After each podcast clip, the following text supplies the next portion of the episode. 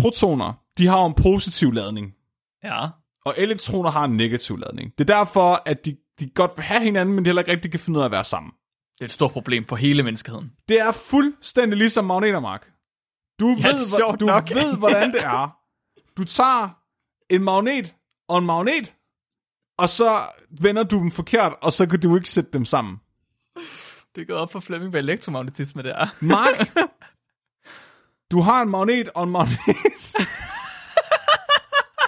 Har du lige fundet ud af, at plus og minus, de tiltrækker hinanden? Mark, jeg har lavet meget research. Ja, jeg kan godt høre det. Det hvis du tager to magneter, og de vender forkert, ja. og, og, du, og så, så afskyer de hinanden, Mark. De vil ikke. Det kan ikke lide hinanden. Vi bringer en advarsel. Den følgende podcast handler om vanvittig videnskab. Al forskningen, der præsenteres, er 100% ægte og udført af professionelle. Mark og Flemming står ikke til ansvar for eventuelle misforståelser, men minder jer om, at de altid har ret. Husk at være dumme.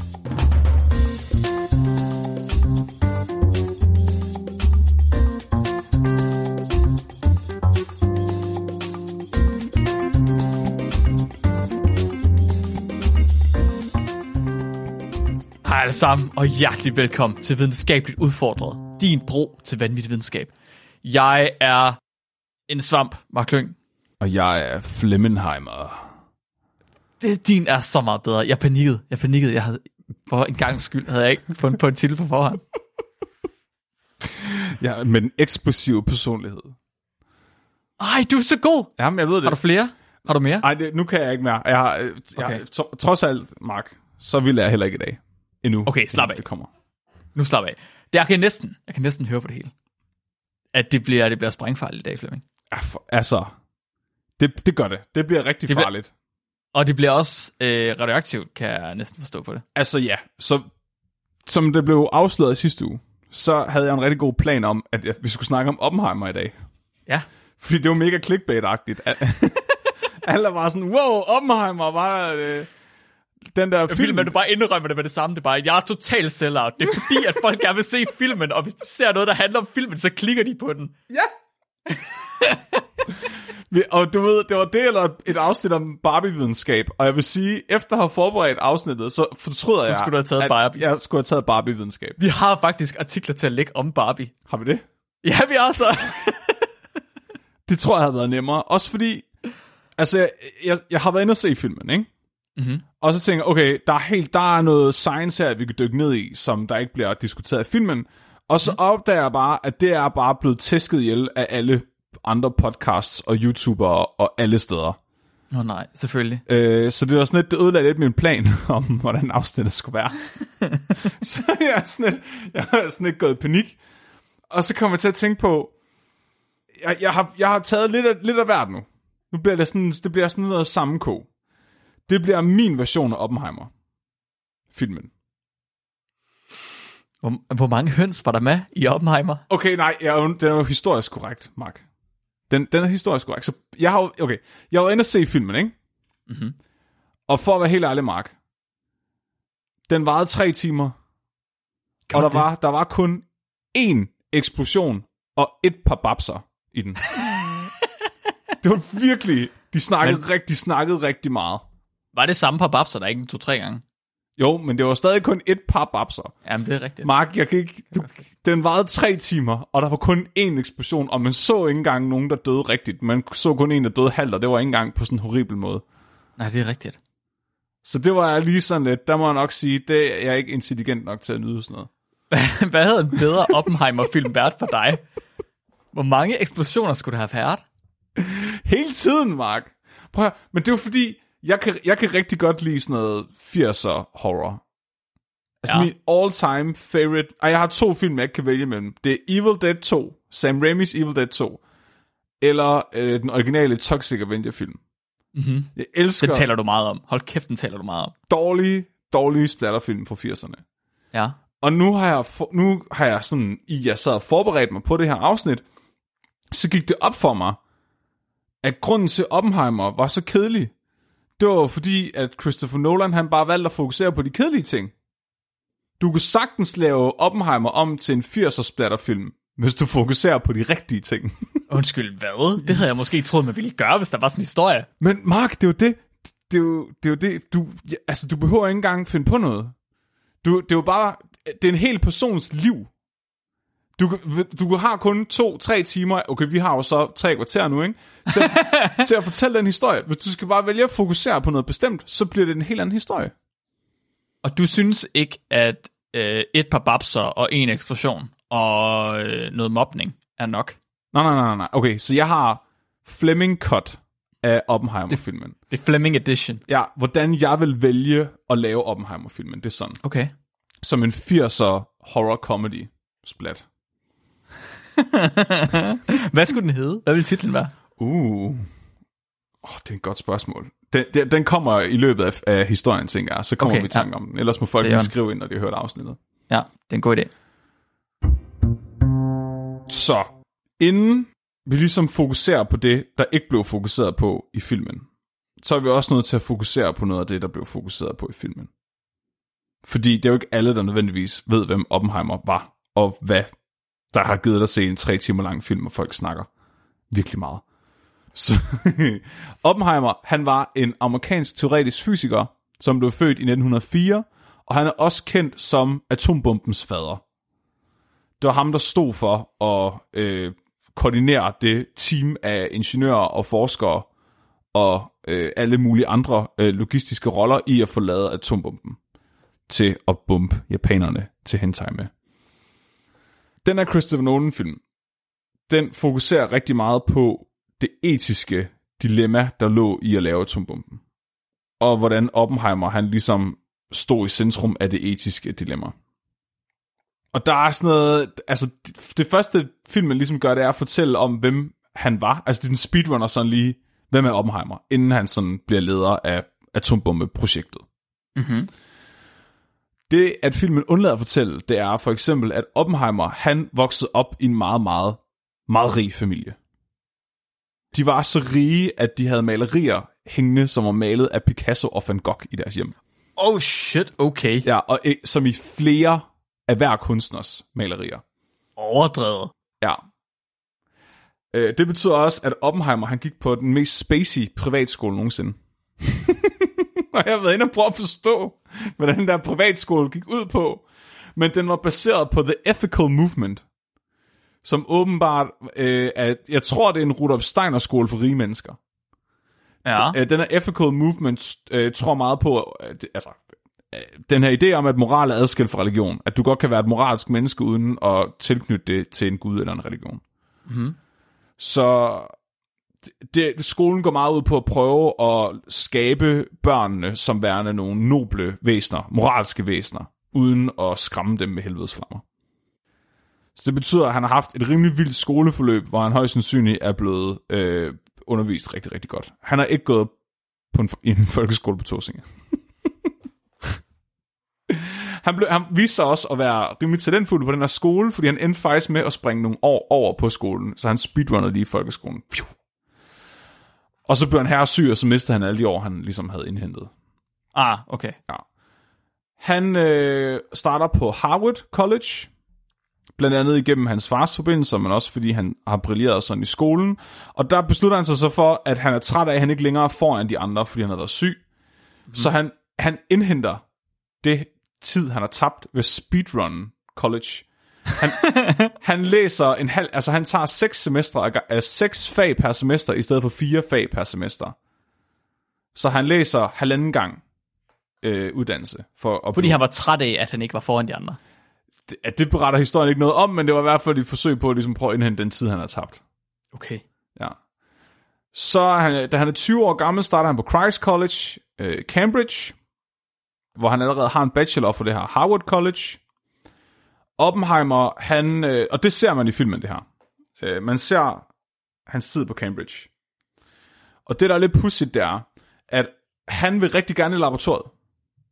På trods af, at han er dårlig til at være i laboratoriet. Så det, men, men, men, men, men det sjove er, at det er ikke sådan noget... Når man læser om det, så er det ikke, fordi han, han erkender, at han er dårlig, og han så derfor gerne vil lære det for at blive bedre. Det er mere sådan jeg, altså, jeg tror, det er, fordi han gerne ville have haft adgang til noget af det data, de har i det laboratorium, eller arbejde sammen med nogle af de mennesker, der er i laboratoriet. Han har faktisk været så exceptionelt dårlig med sine hænder, at det anbefalelsesbrev, der blev skrevet fra Cambridge til, øh, fra Harvard til Cambridge, i det der stod der, at Oppenheimer han var så dårlig i laboratoriet, at de foreslog, at han skulle gå den teoretiske vej. okay. ja, men alligevel så fik han lov til at komme i lab. Og det, det her, der sker noget spændende, fordi de siger, at du må gerne komme ind i laboratoriet og være med i forskning i det her laboratorium, men så skal du også gennemføre sådan en basalt labkursus. Og han bliver sådan helt deprimeret af at være lab. Altså det går fuldstændig i hjernen på ham. Han får en dyb depression, og hans lejlighed bliver beskrevet som sådan en rottehul af nogle af hans venner, hvor han bare ligger på gulvet og græder, når han ikke er, når han ikke er på, inde på skolen. Ikke? okay. Og hans lærer slash hovedvejleder på uddannelsen, som ligesom står for at få ham igennem blandt andet hans laboratorietræning. Det er den her øh, øh, fysiker, der hedder Patrick Blackett. Og han er det omvendte af en teoretisk fysiker. Han er en, en fysiker, der går i lab. Øh, en tekniker. Og han stiller... Er det, Hvad? er det, er det der omvendte af en teoretisk fysiker? Det tænker jeg. En teoretisk fysiker er en, der ikke går i lab. En teknik, hvad hedder det på dansk? Det En er ikke praktisk. praktisk, teknisk, laboratoriefysiker. Men jeg synes, det var flot, det du sagde. Eksperimentel, det er det, det hedder. Eksperimentel fysiker. yes. Han stiller meget store krav til Oppenheimer. Øh, han accepterer ligesom ikke, at han er lort. Så han pisker ham ligesom ekstra meget. Og jeg, og jeg tror egentlig, at det kommer fra et godt sted. Han vil gerne sørge for, at han ligesom brillerer, så derfor presser han ham til at blive bedre. Og det reagerer Oppenheimer på ved at forgifte øh, Blackheads mad. Så historien, historien er sådan lidt forskelligt fortalt, alt efter hvor man får den fra. Men det vigtigste er, at vi ved, at Oppenheimer selv har senere i sit liv bekræftet, at det skete. At han tager nogle kemikalier og forgifter et æble, som tilhører Patrick Blackhead. Og i nogle udgaver af historien, så er det altså cyanid, han putter ind i det her æble. Mm-hmm. Som i, hvis at Blackhead havde taget en bid af æblet, så var han død. Det er det cyanid, det er det, at øhm, russerne putter i deres te. hvis de er trætte af dig. Specialty. Specialty, det er også det hemmelige agent, der har inde i deres tand, når de lige knækker den. Så. Heldigvis så spiser Blackhead ikke æblet. I filmen, der klasker Oppenheimer æblet ud af hånden på Niels Bohr, der skal lige til at spise det. Det er ikke sket i virkeligheden. Det er en drama. Der vil jeg sige, det er en af de tidspunkter, hvor der er sådan noget kunstnerisk frihed fra Christopher Nolans side af. Og man tænker, men det bliver opdaget. Så, så Cambridge opdager, at han har gjort det her på en eller anden måde. Og det, der er det sindssyge, er, du har lige forgiftet æblet. Du har været ved at slå din, din underviser ihjel. Og de finder ud af det.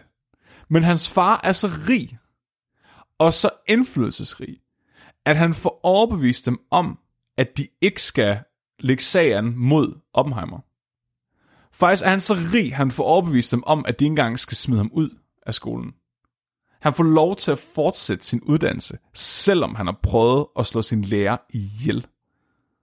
Er det ikke fucking sindssygt? Sige, øh, det viser lidt, hvor meget privilegier kan få en frem i, i livet. Det er smukt. Ja. Det er land of the free, home of the brave. øhm, og det eneste forbehold, der kommer, det er, at han skal gå til en psykiater for at blive behandlet for hans, hvad kan man sige, udfald her. Mm-hmm. Og han får en diagnose, og den diagnose vil man i dag kalde for skizofreni. Så det viser sig, at han, øh, host, altså han har en eller anden form for skizofreni, som har ledt til, at han har gjort det her. Okay. Så, han gennemfører sin uddannelse. Han bliver en rigtig, rigtig dygtig teoretisk fysiker. Hans øh, studerende bliver især meget succesfulde. Der er i hvert fald en af dem, der får en Nobelpris, baseret på en af Oppenheims idéer. Øh, og Oppenheimer bliver selv i løbet af sin karriere nomineret til en Nobelpris tre gange, men får den aldrig. Det skal ikke være nogen hemmelighed, at det felt, han befinder sig indenfor på det her tidspunkt i verdenshistorien, er et af de... Øh, tids, altså, det her, det her, hvor der virkelig sker noget inden for teoretisk fysik. Ikke? Det her, alle de store rockstjerner er. Albert Einstein har øh, været lidt før de andre, men, men men det her, det virkelig begynder at ske. Det her, man begynder at fatte, hvordan tingene hænger sammen, og det her, man begynder at få rigtig, rigtig mange store gennembrud inden for fysik og kemi. Jeg er nødt til at forklare, hvad der sker inden for vores forståelse af øh, fysikken på en måde, som er relevant for atombomben, for ligesom at øh, sætte forståelsen for, hvad der sker for Oppenheimer. Så, Mark, vi skal snakke om atomer. og vi skal snakke om kemi. Og sidste gang, jeg prøvede det, der endte vi med Charles Manson. Ja, det er rigtigt. Øh, jeg, skal pr- jeg har ikke nogen Charles Manson-analogi med i dag. Så vil jeg faktisk ikke høre det, Flemming. Undskyld. Ærligt Jeg talt. ved ikke helt, hvordan vi relaterer det her til Charles Manson. Du kan altid relatere ting til Charles Manson. Det kunne jeg måske godt. Nu må vi lige se, hvor meget jeg kan improvisere i dag. det, der er vigtigt at vide, Mark, det er, at atomer, det stof, der udgør alting, er lavet ud af protoner og elektroner. Så protonerne, det må være Charles Mansonerne, der ligger inde i midten og virkelig holder godt fast i hinanden. Og elektronerne, de har slet mere krudt i røven. De fiser rundt om protonerne. De kan sgu ikke rigtig beslutte sig. De kan ikke sidde stille, de har krudt i røven. De bare svammer rundt om protonerne. Man begynder virkelig at forstå, hvordan de fungerer. Og man begynder at forstå, hvordan man kan fuck med dem. Og det er måske ikke så heldigt. Man begynder blandt andet at forstå, hvordan radioaktivitet fungerer bedre. Så det er øh, atomer, hvis kerne er protoner, er ustabil. Så normalt så er den her klump af protoner, der ligger inde i midten af, af, af atomet, meget, meget, meget stabil. I radioaktive stoffer, der er kernen mere ustabil. Og de, øh, de, det fucker med dem at være ustabil. Så en gang imellem, så skider de lige noget energi ud. De har for meget energi. Så de skider det ud i form af radioaktiv stråling. Det, der er lidt interessant for videnskaben på det her tidspunkt, det er ligesom ideen om, kan vi på en eller anden måde ændre på strukturen af atomer? Kan vi ændre på for eksempel strukturen af kernerne? Så det er egentlig, altså jeg tænker sådan på alkemi. Mm-hmm. Ideen om at lave bly om til guld for eksempel. Det vil involvere at ændre på antallet af protoner. For at et, et grundstof kan blive til et andet, så er du nødt til at ændre på kernen, på protonerne inde i midten. Hvorimod alt andet kemi, vi render og laver, det foregår ude ved elektronerne. Ude i Ja, ja. i det omkringliggende. Så det er det, fysikerne og kemikerne, de begynder at blive sådan lidt, hmm, kan vide, om vi lige kan tage den til det næste level og ændre på, hvad der foregår inde i midten. Og det lykkes fandme i 1932. Der er to kemikere, som losser. Så det, de gør, det er basically, de tager nogle lithiumatomer, og så tager de nogle protoner, og så losser de dem bare alt, hvad de kan i retning af atomerne. og så på en eller anden, de gør det, og det gør de med milliarder, milliarder, milliarder af øh, protoner. Med utrolig høj energi. Og så lykkes det, statistisk set lykkes det, at en af de her protoner knalder ind i kernen på et lithium, og så siger den flup, og så spalter den. Så det, du siger til mig, det er, at der er to fysikere, der har stået ved deres øh, tavle, som de jo har gjort. Mm. Stået skulder ved skulder, kigget på deres øh, mange, mange store, lange formler og udregninger og udledninger. Ja. Og, og det her store fysikproblem med, hvordan laver vi bly om til guld. Og så har den ene kigget på den anden og sagt, kan vi ikke bare slå dem ind i hinanden? Meget, meget, Meget, meget hårdt. meget, meget hårdt. Åh, men jeg er sgu ikke sikker på, at det er nok. Kan vi ikke bare tage mange af dem og slå ind i hinanden? meget, meget hårdt. Ja. Men Og det så, jo- og så siger du til mig, at det virkede. Ja, og, ja. Det, og på en eller anden måde giver det god mening, fordi du skal jo tænke på, du, du har et eller andet, du gerne vil, øde- du har noget, du gerne vil ødelægge, ikke? du, Mark, du har en meget, meget lille ting, du gerne vil ødelægge, Mark. Så meget, sl- meget slå hårdt. Slå hårdt, meget hårdt. Ja, Ha- hårdt, hårdt. Hammer. Hvilken hammer? Hammer, hammer. Slå du, hårdt, meget præcis. Du skal bruge en hammer, ikke? hårdt. Ja. Men det, du er nødt til at finde en meget, meget lille hammer. ja, det er klart. Og det, det, der, det er det, der er problemet. Hvis atomer er det mindste, der er, hvordan kan du så finde noget og ødelægge dem og skyde dem med, som kan ødelægge dem, andet end andre? Okay, Jamen, det kan en proton er teknisk set ikke et atom, men fuck, Nej, nej, klart. Er det en, hy- en hydrogenion? Men, men Mark, en hydrogen... Øh, hvad hedder det? Iso, jo, jon, det er en hydrogen. Jon, ja, ja, det det er ret. nok. Fuck, jeg kan huske, nok. Jeg Kom kan huske, hvad jeg har lært. Men Mark, så det giver mening. Det var det eneste, du kunne skyde dem med. Det er nok ikke noget, hvis du skyder dem med en ægte pistol. Nej. Du kan jo ikke bare gå ind i lab og skyde på reagensglas med en ægte pistol. Er der nogen, der har prøvet? Det er en god pointe. Hvis du You bare know slår, you hvis, du, try. hvis du bitch slapper den hårdt nok. det er som ham der, der tilberedt en, øh, en kalkun ved at slå på den. Det kunne godt være, at man bare skulle øh, blive, hvad hedder det, forskningsleder over på kemi, og så bare få en hel masse bachelorstuderende til at stå og spank lithium. Og jeg vil virkelig gerne se det promotional content, eller den video, som universitetet lægger ud om den forskningsgruppe. Står bare det 10 studerende. det er banebrydende forskning, der foregår herinde. Men Mark, Mark, der er, der er et problem, og det er, at protoner, de har en positiv ladning, ja. og elektroner har en negativ ladning. Det er derfor, at de, de godt vil have hinanden, men de heller ikke rigtig kan finde ud af at være sammen. Det er et stort problem for hele menneskeheden. Det er fuldstændig ligesom magneter, Mark. Du, Ja, ved, hvor- du nok. ved, hvordan det er. Du tager en magnet og en magnet, og så vender du dem forkert, og så kan du ikke sætte dem sammen. Det er gået op for Flemming med elektromagnetisme der. Mark, du har en magnet og en magnet. har du lige fundet ud af, at plus og minus, de tiltrækker hinanden? Mark, jeg har lavet meget research. Ja, jeg kan godt høre det. Du, det er, hvis du tager to magneter, og de vender forkert, ja. og, og, du, og så, så afskyer de hinanden, Mark. De vil ikke. Det kan ikke lide hinanden. Det er det, der sker nu. Det er, jo det, det er jo det problem, der har været med protonerne. Du har prøvet at skyde en proton ind i en proton, men så har magneten lige gjort det der... Uh. Det vil den ikke. Den Nej. vil simpelthen ikke. Og det er derfor, de har brugt så meget energi på det. Det er derfor, at dine studerende aldrig bliver færdige med at stå og slå lithium. Fordi de rammer aldrig. Og det, det der sker, det er, så man opdager, man opdager neutronen, som i grove træk er en proton, der ikke har nogen ladning. Og det er lidt ligesom at tage en sten og bare slå magneten med den i stedet for. Fordi den, den har ikke noget... Altså, den, den bliver... Den, de, øh, hvad hedder det? Repellerer. De afskyer ikke hinanden. Mm. Så det, det kræver mindre energi at bruge en neutron til at klaske kernen i stykker, fordi neutronen har ikke nogen ledning. Nogen, undskyld, magnetfelt.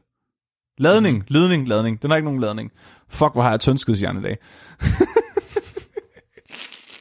det har jeg altid, når vi skal snakke om fysik.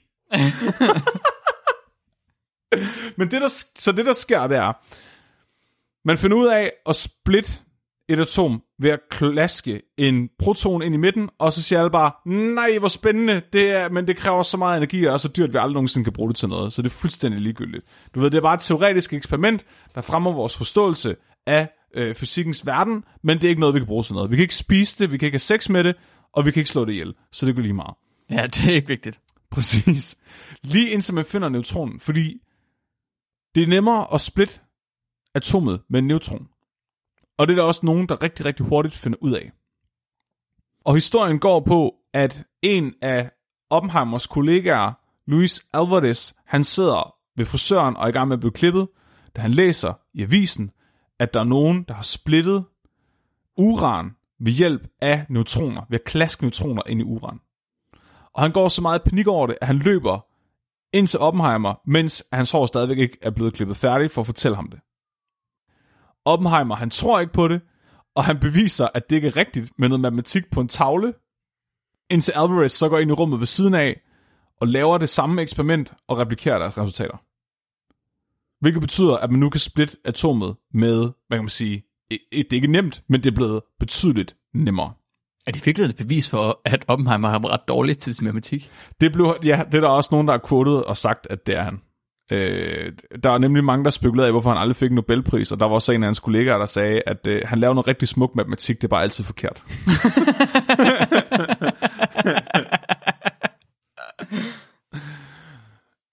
Einstein, han sked i bukserne over det her eksperiment. Okay. Og det var der flere andre. Han sked så meget i bukserne, at han fik sin kone til at skrive et brev til nogle politikere, der var sådan, nu skal I fandme passe på. Det er farligt, det her. Hvad? Fordi det går op for dem, at den her teknologi kunne bruges til at lave en bombe. Hvis du tager en neutron og klasker ind i et stof, i et atom. Og når det atom så splitter, hvis det så også udskiller en eller flere neutroner, så kan du lave en kædereaktion. Fordi så vil de neutroner tage ud og splitte de andre kerner og så videre, indtil du har øh, en, en, hvad kan man sige, en eksplosion. Og det er der, hvor de i filmen har et meget dramatisk øjeblik, hvor at man, man de, ham der, uh, Killian Murphy, han står og siger, og alle fysikere tænker præcis det samme, og så zoomer de ind på et headshot af ham. Ja. A bomb. A bomb. Skidegod scene. Det lyder som en... Øh... Oh, hvad er det ham på Transformers hedder? Ham, der altid har eksplosioner med. Hvad? For Transformers? Ham, der lavede Transformers... Uh, Michael Bay. Michael Nå, Michael Bay. Ja. det skulle været en Michael Bay-film. Det var det, der var problemet, Flemming. Åh, oh, ja, han er jo konge af eksplosioner. Fuck, det havde været en anderledes film, hvis Michael Bay han havde lavet den. Ja, det havde det. Oppenheimer, han bliver hyret af det amerikanske forsvar. Sådan. Til at lave den her bombe. De tænker, at hvis det kan lade sig gøre at lave den, så er vi nødt til at lave den først. Og det kan jeg egentlig meget godt respektere.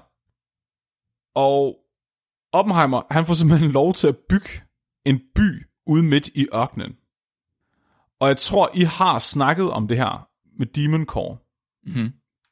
Så hvis I gerne vil høre om, hvad der foregik i den her by, men Demon Core, det var også efter 2. verdenskrig, fordi det var en, en kerne fra en atombombe, de havde til overs, som de aldrig fik brugt. Så det var den tredje bombe, der skulle smidt over Japan. Den legede de med bagefter.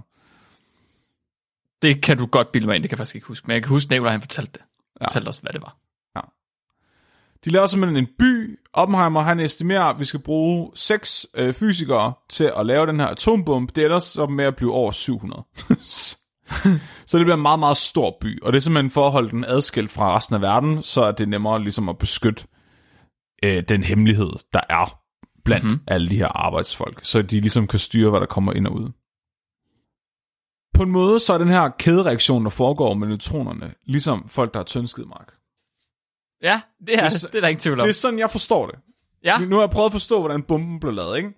Så hvis du tager et uranatom, og du splitter det ved at klaske neutroner ind i det, så er det ligesom, at den så udsender neutroner, der så klasker ind i andre uran, som så også splitter og klasker flere neutroner ud. Det er ligesom, hvis du går ind i et rum, og du har diarré og du skider rigtig, rigtig hårdt ud i rummet, og du rammer en anden person. Og den person får så også diarré med det samme. Med det samme? Det over, den får diarré af din diarré? Det overnaturlige diarré. Overnaturlig diarré? Alle har, folk har heller ingen bukser på. Der er ikke noget, der stopper det her diarré fra at sprede sig. Er, er, undskyld, jeg ved godt, at du har baseret hele din forklaring på diarré, mm. men er øh, opkast ikke en bedre analogi? Nej. Nej, jeg ved bare, at der er mange, der siger, at de kaster op, hvis de ser andre kaster op. Så det kunne jo godt være en kædereaktion. Er diarré. Nå, er det diarré? Så øh, du trækker bukserne ned og skider på en person ind i et rum. Nej, okay. Og så skider den person på den næste person og den næste igen. Og lige pludselig, så er alle småt ind i diarré. Men det er ikke nødvendigvis en eksplosion af diarré.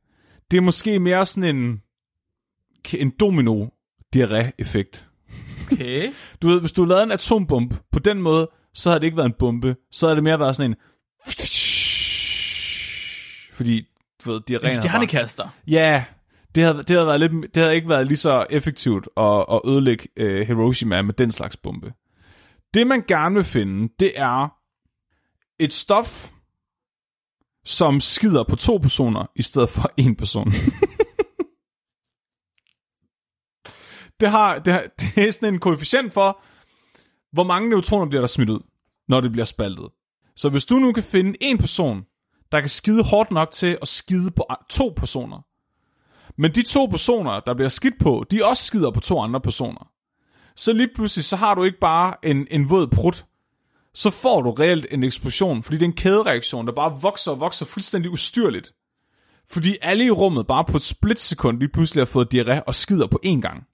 Jeg har det som om alle, der sidder og hører det her, de tænker, der var en bedre analogi end diarré. Men Flemming, han ville have diarré. Han har, det, du har, Flemming, han har set alle de andre analogier. Han vidste godt, man kan fortælle det her med en pandemi. Men var sådan, nej, det er diarré. Det er alt sammen tynd afføring. Men Mark! du giver mig meget mere credit, end jeg har fortjent. Du tror, jeg har tænkt over det her, det har jeg ikke. Men det er diarré. Det er derfor, at de bruger uran-235, fordi for det første så er, har, er kernen, øh, hvad hedder det, øh, nemmere at spalte, den er ustabil, radioaktivt det- stof.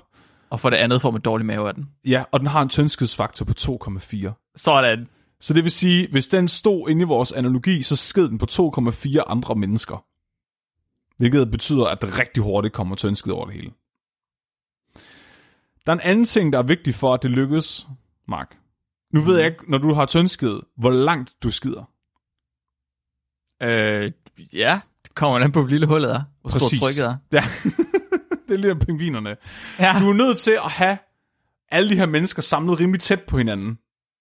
Og du skal have nok af dem, for at det er en kædereaktion. Fordi det, ja. Det kan godt være, at du har potentialet til skide på 2,4 mennesker.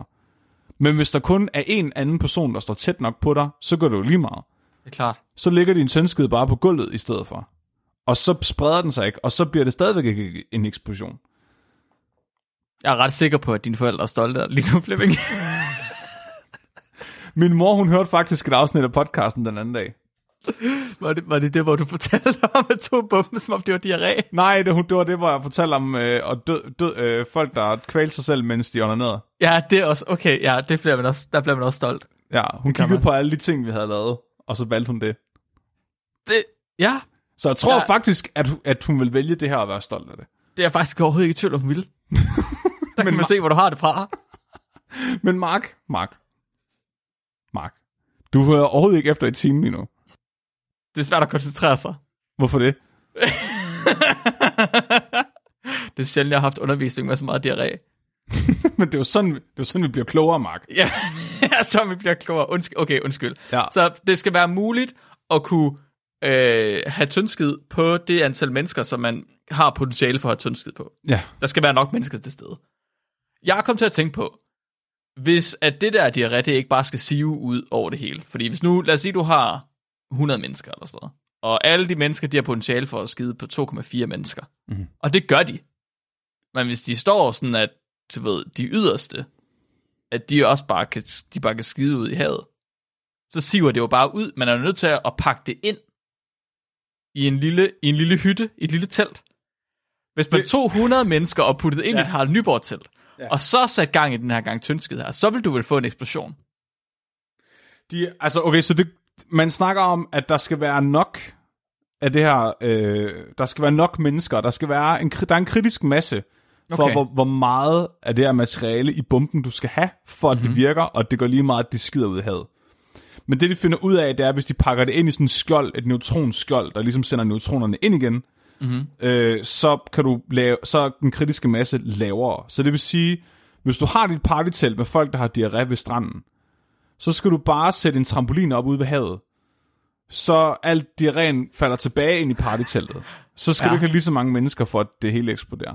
Okay, Så de laver, okay sådan jeg en- forstår. de laver en neutronbarriere rundt om den her kerne, som skyder ja. neutronerne ind igen. Så, de, så skal de bruge mindre øh, uran eller plutonium, som de så senere kommer til at bruge i stedet for. Okay. Ja. Anyways, det ender med, at de får det her til at virke. Det, det, det er basically det, 700 forskere laver i, i, i, i flere år. Så det er, det er forsker Roskilde med meget dårlig mave. Ja. Ind i et meget lille telt. Ja, Okay. med radioaktivitet. en god fest. De får lavet øh, den første prototype til atombomben, øh, som er baseret på det her med at have øh, et, et stof, der ligesom kan blive splittet, og øh, ligesom komprimere det, så de putter en bombe rundt om bomben. Så når den bombe springer, så bliver det hele trykket sammen, så når det kritisk masse, og så sker den her kædereaktion af, at de kasker neutroner ind i hinanden, og så får alle tyndskider, og så springer det i luften. Okay, så tyndskidsdelen er ikke med i filmen. Men den første prøvesprængning er, og det er det eneste tidspunkt, der er noget, der springer luften i den her film på mig. Det er Trinity-testen. I filmen, der viser det bare, at det siger bang, og så står alle og siger, wow, GG Hitler, god krig, og så, øh, så snakker de noget mere.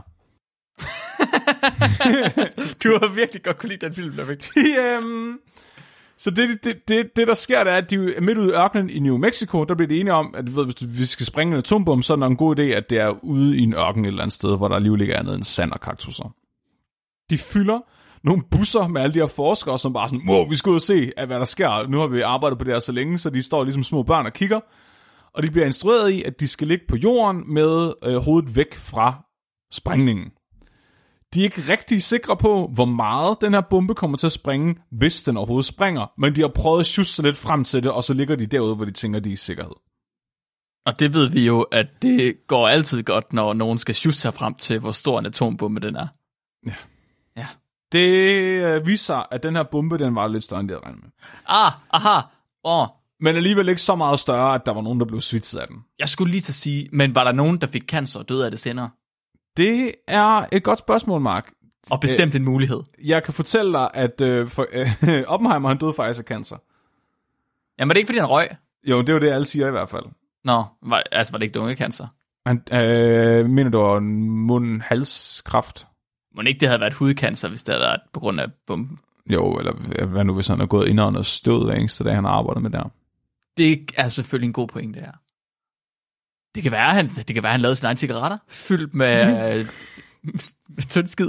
Plutonium øh, cigaretter. Han, han, Han one-upper lige Marie Curie. hvad, hvad lavede hun? Jamen, hun gik rundt med sin øh, uransten i lommen og fik øh, livmoderhalskræft af det. Er det rigtigt? Ja, ja. Det var det, hun af. Det vidste jeg ikke. Er det rigtigt? Vidste du ikke det? Nej. Nå, jo, jo, jo, det gjorde hun. Uh, ja, så hvis man lige skulle one-up hende, så skulle det da være at lave sine egne cigaretter. Hvorfor havde hun en uransten? Fordi hun forskede i radioaktivitet. Hvor det er lidt godt. Det er derfor kurium er enheden for radioaktivitet. En af enhederne. Men hvorfor har hun brug for at have det Nej, med i lommen? undskyld, kurium er et grundstof. Never mind. Nej, men det var fordi hun synes, det var pæne, fordi de lyste op. De var selvlysende jo. What the fuck? synes, de var flotte. Og altså, hun var ligesom den, der fandt ud af det meste om radioaktivitet, som vi vidste på det tidspunkt. Så det, hun var sådan, det var først, da hun ligesom døde, at var sådan, Nå, det kan være, man skal lade være med at have det i lommerne. Men det er Det det, er mener godt med, forsøg. det er jo totalt meget Toxic Avenger, det her, Mark. Toxic Avenger, han falder ned i en tønde med grønt, selvlysende radioaktivt affald, og så bliver han til en superhelt. En meget misdannet superhelt. Der også er lavet af afføring. Han ligner noget, der er lavet af afføring. Ja, det gør han selvfølgelig. Det kan, Det- jeg, det- det det kan jeg godt se. Den her øh, kerne af 7 kilo plutonium, som de bruger, den laver en eksplosion svarende til 25.000 tons TNT. Det er en slat. Det er rigtig meget. Øh, det, øh, det, det lyser så meget op, at der ly, det lyser mere end solen. Altså, der bliver lyst op mere end dagslys omkring dem, selvom det er sådan stadigvæk er mørkt. Og der er alle de her quotes fra, hvad forskerne de tænkte, da de så, at de skulle alle sammen lige have en mulighed for at sige et eller andet poetisk. Oppenheimer, han sagde selv, at han tænkte på, på sådan indisk tekst, øh, som han selv har oversat. Det var sådan meget præsentøst. Ja. Han siger, øh, og fandt han, han siger, I am, I am become death destroyer of worlds, eller sådan Ja. noget. Så det, men det sjove er jo så, at det er det, han selv fortæller, at han tænkte, da det skete. Men alle andre, der var til stede, og sådan, åh, han var bare mega glad, og han synes, det var vildt sejt, og det virkede, og... Altså, han, det bliver, han fortæller selv historien, som om han er sådan, wow, det her det er mega farligt, og han er sådan øh, splittet omkring, og split atomet, og synes, det er moralske skrubler, og sådan noget, alle andre bare sådan, nej, han havde en fest med det her. ligesom alle andre. Ja, lige præcis. Ideen er så nu, at den her atombombe, den virker, og de skal kaste den i ansigtet på japanerne. Det er en lidt uhyggelig tankemark, men det har de jo hele tiden vidst, at den skulle bruges til. Mm-hmm. Måden, de ligesom retfærdiggør det her på, det er, hvis nu de bomber dem hårdt nok, så stopper de bare med det samme. Det er den politiske, diplomatiske version af, hvis mig, dig og Nikolaj bliver uenige om, hvad vi skal bruge 10 af pengene på. Jeg vil gerne bruge alle pengene på høns, men I vil gerne bruge dem på noget andet. Diskussionen eskalerer. Vi har en verdenskrig. Vi begynder at stå og, og dele lussinger ud. Kras hinanden og en engelsk sheriffstjerne. Måske en lammer. Vi kan ikke blive enige, og det fortsætter i flere år, det her. Lige indtil jeg hiver en pistol op og skyder Nikolaj mellem øjnene.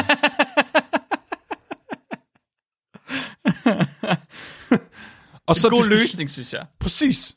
Ja. Så stopper diskussionen. Vi bruger 10 af pengene på høns. Færdig. Du kan jo ikke... Altså, de har jo ret. Det burde, hvis det var det, der skete. Jeg vil stoppe. Ja. Sige, nej, nej, stop, nej, nej, det er okay. Det er fint nok. Ja. Det syge er jo så, at de så er lige smed ind i Nagasaki efter Hiroshima, ikke? Ja, Så det vil jo så være, at jeg først skyder Nikolaj mellem øjnene, og så bagefter skyder jeg ham i kuglerne. ja eller bagefter skyder du mig. Double tap. Nej, det kunne jeg selvfølgelig også. Jamen, det er den samme. Måske overlevede han det første. Aha, ja. Klart. Ja. Og det er jo så ligesom... Det, de går meget op i sådan at belyse det her etiske dilemma, der er omkring at lave bomben, og så er det ligesom op til seerne selv at vurdere, om de gjorde det rigtigt, og det sjove er jo så, at det er en amerikansk film, om et stykke amerikansk verdenshistorie, der er med amerikanske skuespillere og en amerikansk filminstruktør. Og jeg, jeg kan måske godt lidt forstå, at den eneste eksplosion, der er med i filmen, det er Trinity-eksplosionen. Og ikke de to store bomber, tænker du? Øh, ja. Jeg- tænker lige, i min film, i min udgave, hvis det her det skal være en 80'er splatterfilm, så er vi nødt til at have have Hiroshima og Nagasaki med. Man ser, man hører om dem i filmen, men man, man, man ser dem ikke. Man forestiller sig bare, at det siger flup, og så er alle de onde mennesker væk. Ja. Og ingen mærkede noget. Faktisk kom de bare ud og bo på en bondegård et eller andet sted.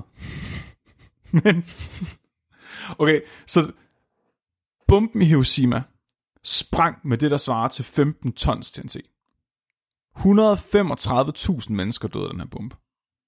Og så efterfølgende tænkte man lige, vi tager skulle lige Nagasaki med. 64.000 døde mennesker. Det er kun estimater, fordi man er egentlig ikke rigtig sikker på, hvor mange der døde. Hvis man begynder at tænke på, hvor mange der døde af kraft årene efter og sådan noget, så er tallet jo meget, meget højere. Det er stort set alle sammen civile. 60% af dem døde af forbrændinger øh, fra bomben. 30% blev knust, og 10% de døde af noget andet. Pearl Harbor var en rigtig dårlig idé, Mark. ja. det skulle man ikke have gjort. Jeg har fundet nogle førstehånds vidner fra atomsprængningen fra Hiroshima og også fra Nagasaki. Okay. De er blevet samlet i en bog, øh, som jeg smider i kildelisten. Og det er fucking, altså det er virkelig uhyggeligt. Hvis man, er, hvis man ikke kan lide Auchi-afsnittet, så skal man nok ikke høre efter lige nu. Folk, der stod udenfor, i nærheden af bomben, da den sprang, de fordampede. De forsvandt bare. Fuldstændig ligesom i Avengers-filmen. Dem, der stod indenfor, de overlevede i nogle tilfælde til at starte med. Der var nogen, der havde stribet tøj på, eller tøj med tryk på. Det blev brændt ind i deres hud. Så deres tøj forsvandt, men du kunne stadig se, hvor striberne havde været på tøjet. Det mest creepy, jeg læste om, det var, og det er et billede, jeg kan kunne få ud af hovedet selv. Der har været to forskellige slags overlevende, og med overlevende mener jeg, de overlevede nogle minutter eller timer efter eksplosionen, inden de døde. Der var de her ant people, blev de kaldt, altså myre mennesker. Og det var virkelig slemt forbrændte ofre, som var så meget i chok efter eksplosionen, at måden de taklede det på, det var at gå rundt i sådan nogle lange rækker. Ligesom myrer. Okay. De gik bare rundt og var shell-shocked i bombekrater, indtil de faldt døde om. What? Ja. Så var der også alligator people. Altså alligatormennesker. De var så forbrændte, at deres hud lignede alligatorhud. Deres tøj var fuldstændig brændt af, men deres ansigter var også brændt væk. Så det eneste, der var tilbage, var sådan et rødt hul, hvor deres mund var. Og de gik bare rundt og kunne ikke skrige. Så de lavede bare sådan en dyb, dyb, underlig lyd. Næst, altså, indtil de faldt døde om. Og der var en, der beskrev, at han så en mand gå rundt på den her måde, med en død baby i armene, som, Ej, vendte, som vendte på hovedet. Oh. Det er så fucking sindssygt. Oppenheimer selv, han siger i et interview senere, at han synes, det var for voldsomt, de smed bomben på Hiroshima.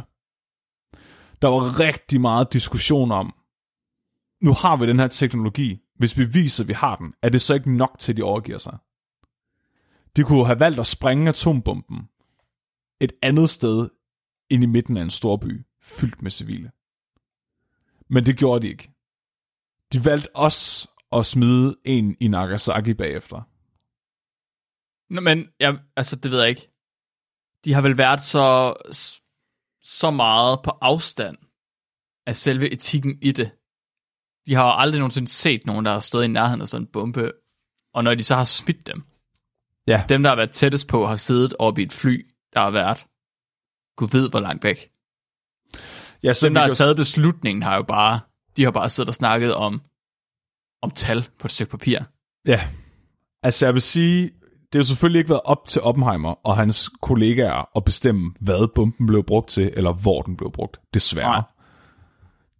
Jeg tænker også, der det er godt, at de nåede at lave atombomben, inden tyskerne gjorde, eller russerne.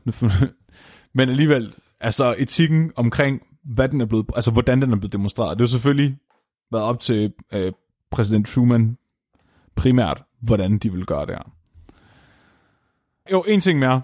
Selvfølgelig alle dem, der ikke døde på den her forfærdelige måde med det samme, de, øh, de havde det jo fint. Øh, der var nogen, der overlevede havde det fint, øh, umiddelbart efter øh, eksplosionen, indtil to dage efter, hvor de så begyndte at lave et, øh, et Ouchie cosplay. Jeg skulle lige til at sige, så blev de alle sammen så ouchie. Ja, deres hud begyndte simpelthen at falde af, fordi de havde så meget strålesyge. Og der var ikke nogen, der vidste, hvad strålesyge var på det her tidspunkt.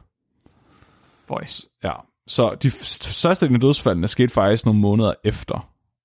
Altså, hvis man tænker over, hvor mange der døde af stråling.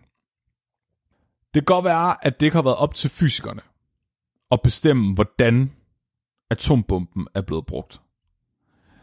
Øh, og Oppenheimer, både i interviews og i måden, han ligesom bliver fremstillet på i filmen, øh, som Christopher Nolan har lavet, var meget sådan imod brugen af atombomben, og det etiske dilemma og nødvendigheden af at springe atombomben under 2. verdenskrig. Men alligevel, jeg synes, der er noget, ja, at jeg, der er værd at have med. Fordi den her Trinity-test, ikke? den foregik godt nok ud i ørkenen. Men som jeg sagde tidligere, så Trinity-bomben var altså større end den, der blev sprunget over Hiroshima. Mm-hmm. Hvordan kunne de undgå, at der ikke var nogen civile i nærheden af prøvesprængningen? Svaret er, at det gjorde de ikke, Mark. Nej, nej. Der boede en halv million amerikanere inden for blast radius What? af Trinity-testen. What? Yes. Hvis du tog en radius af 240 km om bomben, så var der over en halv million civile. Og hvad, og hvad skete der med dem? Jamen for det første, så blev Oppenheimer jo gjort opmærksom på, at de nok burde have i det mindste en evakueringsplan. Der var altså nogle af de her mennesker, der kun boede 20 kilometer væk Nej. fra Ground Zero. Hvor langt skulle de selv væk for at måtte observere? Og jeg ved ikke, hvor langt væk de lå. Det ved jeg, det har jeg faktisk ikke et tal på. Åh, de sagde et tal i filmen, jeg kan overhovedet ikke huske, hvad det var. Skal jeg lige finde ud af det. Bare lige hurtigt google. Øh, 32 kilometer var der flere af dem, der stod væk fra bomben. Så de her mennesker, der har boet der, mm-hmm. de har boet, altså de har været tættere på, end den sikkerhedsafstand, som forskerne de har sat sig selv i forhold til at skulle observere. I hvert fald størstedelen af dem, ja. Jesus fucking Christ. Ja, det, det kom også lidt bag på mig. Der, går en, der gik en historie, altså der er en historie, der, og den har så selvfølgelig været meget, øh, jeg er nødt til at sige, at den har været diskuteret, hvor cre- credible den er, den her historie, men det var en, der florerede kort tid efter 2. verdenskrig. Der, det er først i tilbage i 90'erne, man begyndte at være skeptisk omkring den her historie, men hvordan vil du verificere den så lang tid efter? Mm. Men man sagde, at der var en 12-årig pige, som var født blind, der stod 200 kilometer væk fra Trinity-testen, som kunne se lysglimtet. Hun var født blind. Ah, Jeg vælger at tro på det, Mark. jamen, det er i orden. Det er, i Det er orden. en den god har, historie. Den har meget stor symbolik, det kan jeg godt se. Ja. Det syge er, altså Oppenheimer blev gjort opmærksom på det her, og han valgte ikke at lave nogen evakueringsplan. Så de var under, de var under stort tidspres. Så Truman, præsident Truman skulle have et møde blandt med, øh, hvad hedder han, Churchill og med øh, Stalin, hvor de ligesom skulle blive enige om, hvad skal der ske, øh, øh når 2. verdenskrig er slut. Så han ville rigtig gerne have atombomben med til det her møde. og være sådan, vi, det lykkedes, gutter. Vi har, vi har fået det til at virke. Trinity testsprængningen var dagen før det her møde. Så de var altså virkelig under tidspres. Så man kunne sige, måske har de retfærdiggjort ikke at tage de ordentlige sikkerhedsforanstaltninger, fordi de simpelthen bare har været fysikere, og så har de vurderet antallet af menneskeliv, vi kan redde ved at stoppe krigen nu, er større end det antal menneskeliv, vi risikerer ved at sprænge bomben på den her måde. Men alligevel, så er der ikke nogen, der vælger at følge op efter sprængningen. Så for det første, så alle de her mennesker, der er inden for den her radius af bomben, de bliver vækket op af den her eksplosion. Man kunne mærke øh, rystelserne 160 km væk. Så de ligger og sover tidlig morgen, og så så er den her enorme eksplosion, hvor de kan se lysglimtet, og de kan se en røgsky, der er 12 km høj. De beskriver, hvordan bjergene bliver lyst op, som er det dag. Og de står bare der og tænker, what the fuck? Noget tid efter, Mark, så er der nogle små børn, der beskriver, hvordan det begynder at sne, der hvor de Nå. leger. Åh oh, nej, de er bikinierne om igen det her. Ja, det begynder at sne med nogle meget store hvide snefnuk, som er varme. Åh oh, nej! Og de beskriver, hvordan de smører sig nej. ind i de her varme sne. Der er også en hel masse støv, der kommer ned fra himlen. Det kommer i deres vand. Det kommer i deres mad. Det kommer i deres tøj. De får det i øjnene, og det kommer ind i deres hus. Der er nogen, der hænger våde håndklæder op i deres vinduer, for at prøve at fange noget af det. For Ej, det bare nej, er nej. i alting. Det er radioaktivt nedfald, det her, folkens. Ja, Mine damer og herrer, størstedelen af den plutonium, der var i Trinity-bomben, sprang, detonerede ikke, da bomben sprang. Det har været en del af det her nedfald. Undskyld, så du siger til mig, at bomben i virkeligheden også ville have været større? Altså, hvis de havde fundet ud af læring, der, med, der udnyttede mere af den plutonium, der var i den, ja. Men, men det var stadigvæk nødvendigt, det var der for, at reaktionen skete, så vidt jeg forstår. Ved man, hvor stor nyttevirkning den har haft? Jeg tror, der er estimater på det, men, jeg tror ikke, okay. man har det nøjagtigt. Men jeg tænker, de har regnet ud fra, hvor stor eksplosionen var, og så... Ja, og hvor meget det ligesom... Ja, klart. Ja. Men der er ikke nogen, der vælger så bagefter at følge op på det. Så man laver, man følger nøje med Hiroshima og Nagasaki både fra amerikanerne og englændernes side af, med hvad der sker i folk omkring Ground Zero. Men der er ikke nogen, der holder øje med, hvad der sker omkring Trinity-testområdet. Så alle de her civile, de bliver informeret om, at det er bare et våbendepot, der er sprunget i luften. I nyhederne. Nej. Det er først lang tid efter, at, altså du ved, det er efter krigen er slut, at de får at vide, at det var en atomprøvesprængning men der er ikke nogen, der gør nogen indsats for at evakuere dem fra området, for at, øh, du ved, behandle dem, følge op på, hvad der sker. Det er først mange, mange, mange, mange år senere, at man har valgt at give dem en erstatning, der svarer til 50.000 dollars per individ. What? Ja. Der findes, øh, der online er der nogle beretninger fra efterkommere af de her personer, der har levet i nærheden af Trinity-testen, og de beskriver, hvordan deres øh, bedsteforældre, øh, der, eller deres forældre, bedsteforældre og oldeforældre alle sammen døde af cancer. Så det er de tre generationer, der var i live på det tidspunkt. Så de er efterkommere af nogen, der var børn, da bomben den sprang. Ja. Det tænker jeg alligevel, altså... Så min version af Oppenheimer-filmen, det er en skizofren mand, der prøver at slå sin egen læge, lærer ihjel med cyanid, men som har rige forældre, der beskytter ham. Som så får lov til at stå for at lave verdens mest dødbringende våben, og vælger at detonere det i nærheden af en hel masse børn, der står og leger i radioaktivt nedfald. Som så ender med at få sprunget bomben over en hel masse civile, der løber rundt og ligner noget fra Toxic Avenger-filmen. Og så skal der selvfølgelig være lidt sort humor indimellem. Jeg synes, dit spin det er noget mindre positivt, end uh, Christoffer spinner. Jeg tror, hvis jeg skulle give dig en synopsis af Evil Dead 2, så, så ville det også være meget... Du, du ved, det er den der slapstick-comedy, Mark. Ja. Af alle de døde babyer, der brænder op. Jamen, jeg kan godt se det. Så det er i virkeligheden bare, fordi det er det, du ser som humor. Ja.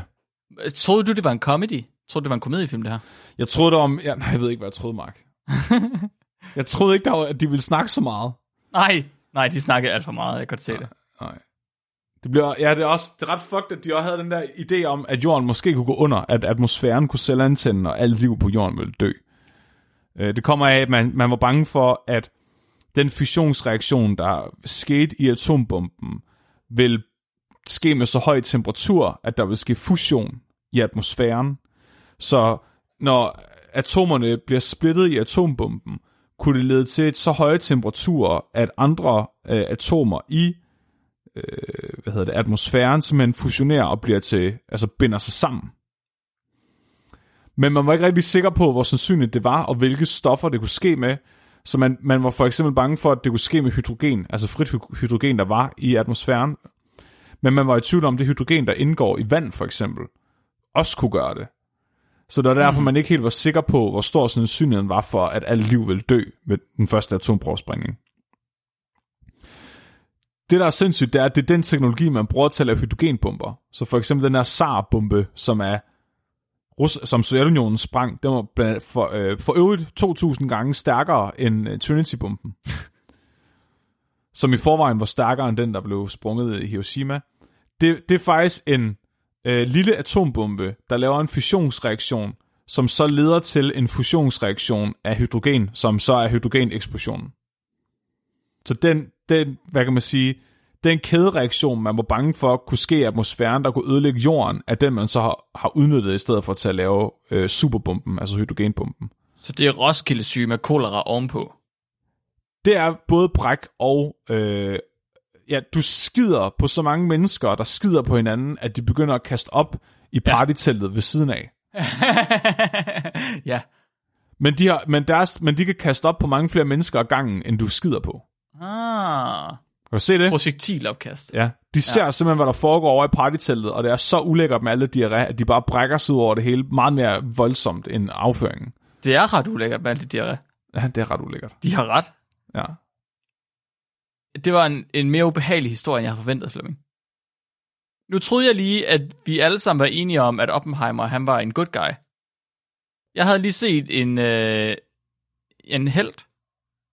Altså, jeg synes, når jeg har læst om alt om ham, så synes jeg, det virker, som om han ikke var noget særligt empatisk menneske. Både, altså, det virker, som om han brændte utrolig meget for fysik, og han virkelig var en nørd. Mm-hmm. Og at, at det ligesom var hans store passion. Og de, dem, der snakkede pænt om ham, som godt kunne lide ham, det var hans studerende. Men deres interaktioner med ham var jo også omkring forskning. Mange andre mennesker, som ikke havde noget med ham at gøre i forskningsøje med, synes han var, havde en rimelig sådan frastødende personlighed. Nå, okay. Han var også en uh, womanizer, som ikke, altså var meget utro, og, og hans relation til hans børn var sådan rimelig tvivlsom. Så det virker ja. som om, hans empati har måske ikke været mega god. Han har været sådan lidt hovski snovski og har måske fokuseret mere på at lave bomben, end på, hvordan han har lavet bomben. Altså fordi jeg han har jo ikke haft nogen indflydelse på, hvordan bomben blev brugt. Men han har i hvert fald haft indflydelse på, for eksempel den her Trinity-test, at man valgte ikke at evakuere nogen i området omkring. Øh, det synes jeg er lidt, lidt reckless. Og jeg tænker også, at der bliver små tygt på i den her film, med hans moralske skrubler efterfølgende. Mm-hmm. Og så tænker jeg bare, det er fucking sindssygt, at man valgte at smide den på Hiroshima. Så fucking sindssygt. Det er vildt, for, altså, jeg ved godt, det er bare estimater, men de havde en idé om, hvor mange mennesker det ville slå ihjel i forvejen. Ja. ja. Så stopper man der. Ja. De så så det behøver man ikke. Det, altså jeg tænker, hvis jeg skulle, altså i stedet for at skyde Nikolaj mellem øjnene med det samme, så kunne jeg godt bare fyre pistolen af ved siden af hans øre, så han bliver døv på det ene øre. Ja, det tror jeg faktisk. Ja, ja, ja, ja, jeg har godt set det. Det tror jeg faktisk også ville stoppe det. Jeg har godt set den pointe, Flemming. Ja, ja. Jeg ved, ikke, om den kan, jeg ved ikke, om den kan, du ved, overgives 100% til atombomben, om det kan bruges som en-til-en øh, sammenligning, men, men med pistolen, der er det i hvert fald, der er det overbevisende, det vil jeg sige. Ja, det tænker jeg også. Ja. Uh, Truman, som, uh, som valgte, altså det var ham, der præsident på det tidspunkt, som, som ligesom var ansvarlig for, at atombomben blev brugt, som den blev brugt. Han havde bare uh, Oppenheimer. han kaldte ham en crybaby scientist. Ja. Men det var også fordi, at Oppenheimer, han havde meget det her med, sådan, han var forkæmper, altså han var forkæmper og aktivist for, at man ikke skulle bruge atombomben, efter man havde brugt den. Efter man havde brugt den. Ja, og folk i hans omgangskreds sagde, at, at de kunne se, at efter den blev brugt, så er det ligesom om, at der var et eller andet i ham, der ændrede sig. Og at, at han blev mere og mere øh, påvirket, jo højere det viste sig, at dødstallet var i Hiroshima, fordi Okay. det var over flere måneder, folk de døde. Så måske har, har, han, har han haft en emotional awakening på et tidspunkt. Trods alt. Ja. Crybaby scientist. Flemming, tusind, tusind tak for øh, øh, den fi- øh, filmrapport, bograpport om Oppenheimer-filmen Ja, af Christopher Nolan. Det, jeg tror, den var kedelig, fordi den prøvede at være etisk. Ja, havde den nu bare været Toxic Avenger med masse diarré, så havde den nok vundet en Oscar. Det tror jeg også. Ja. Måske Ja. Sam Raimi eller John Carpenter kunne være interesseret i den. Ja, de skulle tage over, så. Ja. tænker du. Når vi får 20 millioner på øh, tier, så, øh, så hyrer vi så, så hyrer vi Sam Raimi til at instruere den. Ja, så laver vi et remake. Ja. Et remake med diarré og partytælle på stranden. ja, jeg vil gerne spille Oppenheimer. Ja, det er en god idé. Det, du passer lige, du passer lige til. Så kan du være Truman. Ja. Jamen det, så er rollerne jo, som de plejer. Ja, Oppenheimer han var og sygeligt undervægtig. Crybaby scientist. ja. og Flemming, tusind tak for det. Øh, er du klar til et lytterspørgsmål? ja. Nice. Dagens lytterspørgsmål er sendt ind af Ruben, og han har skrevet ind og spurgt, hvis kvindestyre er et matriark, og mandestyre er et patriark, hvorfor hedder det så en matros og ikke en patros? Uh. Hvorfor er matroner kvinder med magt, der ofte, ans, ofte anses som kraftige og bossy, men patroner er ammunition til skydevåben? Hvad sker der? Mark. Ja, Okay, okay, okay. Så en patron er et projektil, du skyder med. ja. Det er rimelig falders. Ja, Så en matron må jo så være det omvendte af en patron. I stedet for. er kvinder det omvendte af mænd, og er mænd det omvendte af kvinder? Ja. Nå, jeg vil, jeg vil se dem som komplementær. Nej. Nej, Det er nødt til, hvis kan man fejl. skyde nogen med et hul. En matron vil være en portal gun. jeg kan godt lide, at den måde, du tænker på, på de to biologiske køn, Ja. det er som om, at de er elektriske stik. Det Der er også. handstik, og der er han- ja, hundstik. Det er da rigtigt nok. så når du hører, noget, at noget er feminint, så er der altid et hul et eller andet sted. Hvordan har, du, set, så er der nok altid et hul et eller andet sted. hvordan har du det med sprog, der bruger køn? Når du hører, at noget er hundkøn på spansk, for eksempel, Ja. tænker du så, at der må være et hul i den ting? Der er der som der er huller i ret mange bogstaverne. Ja, det er ikke bogstaverne jo. Det er jo Hva? ordene. Og genstandene. Mark, du forstår ikke spørgsmålet. Prøv at forklare mig det så. Prøv lige, En øh, matros, ikke? Ja. En matros burde hedde en patros. Måske var det, fordi der ikke var kvindelige matroser. Men det er ikke det, det, der burde være. Ja. Det er jo det, han siger. Det er det, han undersover. Så for ligestillingens skyld, så skulle det hedde en matros nu, og så en patros. Ah, okay, men i virkeligheden, så skal der jo ikke være, der må ikke være kønsladet ord. Du skal have et neutralt ord.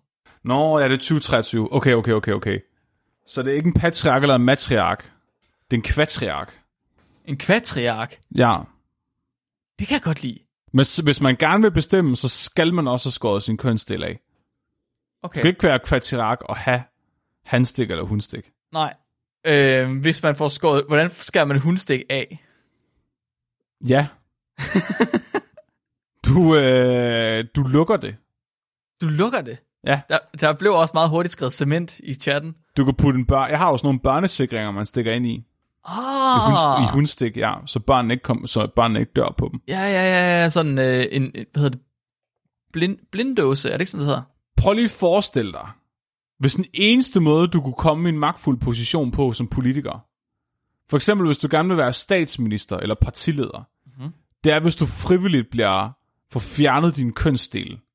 At du får fjernet din kønsdel kirurgisk. Så skal du eddermale med også godt ville det. Hvis man... Skal er det ikke man sådan, så, vi får verdensfred? Men skal man så være sådan glat, ligesom Barbie-dukker? Ja. Og man må aldrig gå med bukser. Aldrig med bukser. Nej, fordi så man man, ikke skal- se det. Nej, præcis. Man skal gå i sådan noget Anders Sand-tøj. Ja, Hvor man på matrostøj. Ja. Matros øh, skjorte og hat på. Prøv lige at tænke på, hvis du, når du aflægger ed som at være den nye præsident, så kommer du lige ind øh, proportionsbordet. Snip, snip. Så er du sikker på, at folk ikke bare altså, prøver at, at udnytte magten. Altså, de vil virkelig gerne bare gøre verden til et bedre sted, og de er klar til at afgive deres kønsdel for det. sådan rent praktisk. Tror mm. du så, at hvis man skulle lave, altså fjerne kønsdel og lave en glat ligesom Barbie-dukke, Ja. skulle man så spartle og så slibe efter og så male? Ja, du kan bruge sådan noget kødklister. Ja, kan man slibe på kødklister? Det tror jeg bestemt, du kan. Okay, Med fint sandpapir. med meget fint sandpapir. Ja. Og så kan du, øh, så derinde, du ved, øh, ligesom inde på, hvad hedder det, i Folketinget, hvor du har billeder af alle statsministerne og sådan noget. Ja. Så kunne du have sådan en lang reol, det har jeg set i Berlin, med sådan nogle små glas med formaldehyd, hvor alle kønsdelene, de står fra alle statsministerne hele vejen hen. Det er en virkelig god idé. det er vi nødt til at have. Fuck, ja. Ja, det synes, det var lige, det var, synes jeg faktisk var en god idé, Mark. Flash vi lige- forward til år 2534, hvor en skoleklasse er på, på besøg inde i Folketinget, på, på rundtur, og guiden tager dem med hen til glasvæggen, og peger op og siger, og det der er jo så den tidligere statsministers tissemand. Den er lidt rynket, men det er fordi, den er fra 2024. De ryster lige glasset en gang. Ja, Det er også sygt, altså, fordi det var, det, det var en af de ting, Oppenheimer var meget for, at man ligesom skulle lave sådan en, en verdensorden, der ligesom blev enige om, at man aldrig ville bruge atomvåben. Jeg tænker, hvis man skal have skåret pikken af, før man må få adgang til atomvåben, så er sandsynligheden for, at man bruger dem lavere. Okay, så du sætter adgangskravet højt op. Den eneste måde, så i stedet for at have de der to røde knapper, Ja, du skal trykke på for at, øh, at, at sætte bomben afsted, ikke? Mm-hmm. Så er det sådan et glory hole, du nej. med en lille guillotine i. Fuck, du har ret. Det er faktisk, det, det vil jo... Man vil gøre det, hvis, hvis altså, nødvendigheden er høj nok. Ja, Du har ret, du har ret, Flemming. Jeg tror faktisk virkelig, du har fundet, du har fundet ud af noget meget vigtigt politisk. jeg ved ikke, hvordan man vil sikre, hvordan, hvad kvindeudgaven af det glory hole vil være.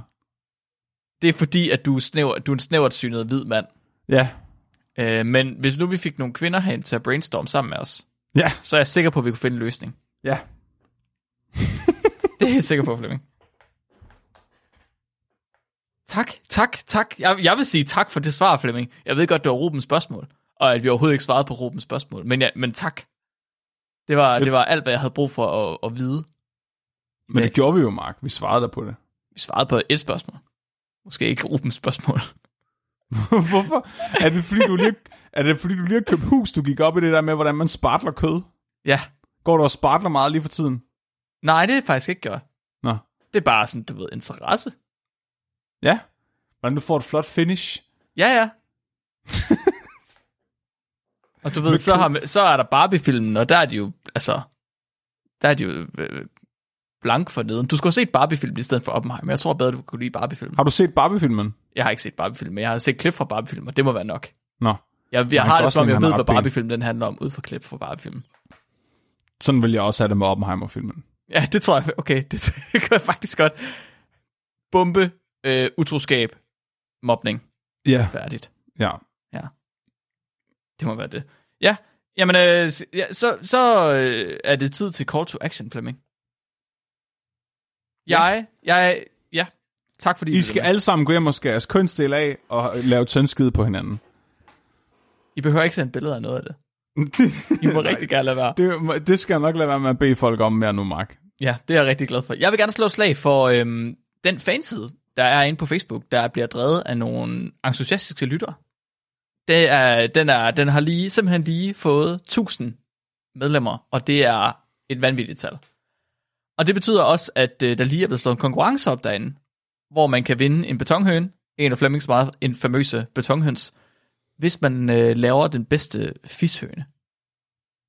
Og der er vist nok nogen, der allerede har tolket lidt interessant på den konkurrence, hvad det vil sige at lave en fishøne. Så jeg tror, der er kommet til digt derind.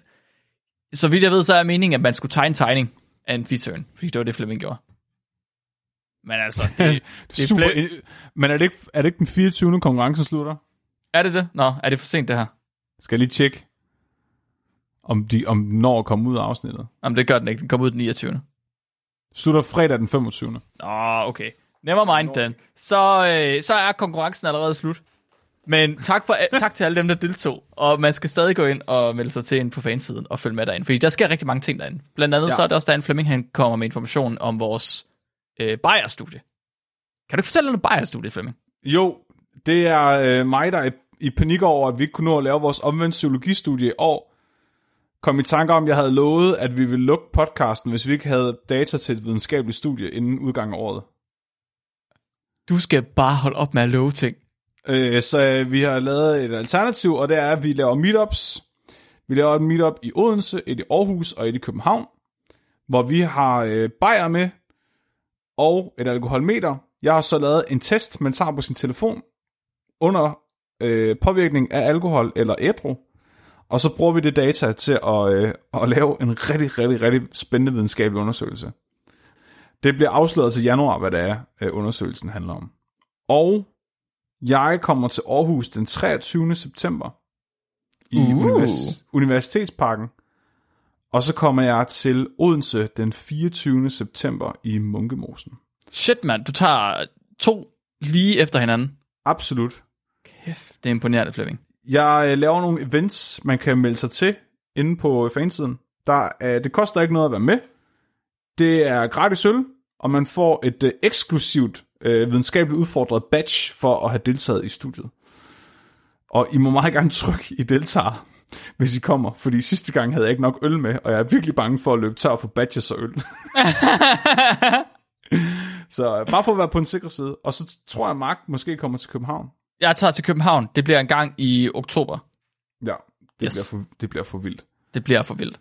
Jeg vil sige, disclaimer, det er øh, 80% komme ud og hænge ud og drikke øl med jer, og 20% videnskab. Ja.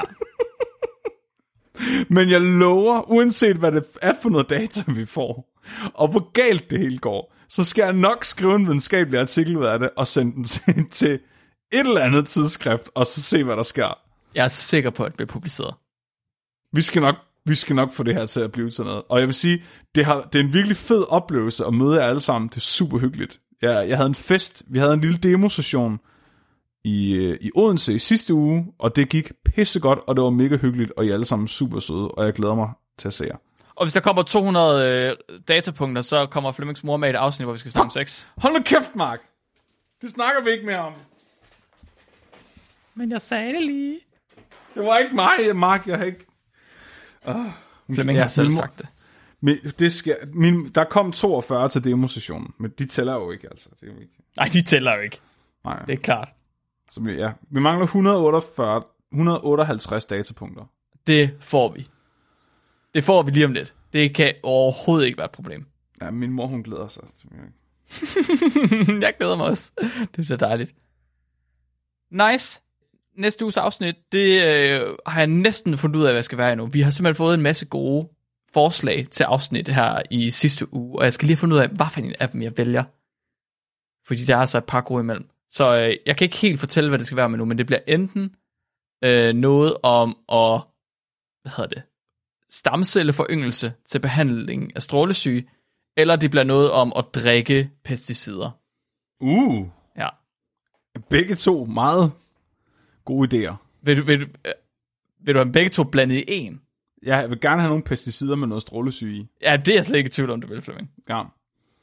Good. Jamen ellers er der ikke andet for end at øh, fortælle dyrefakt. Er du klar til det? Kom med det, Mark. Damn.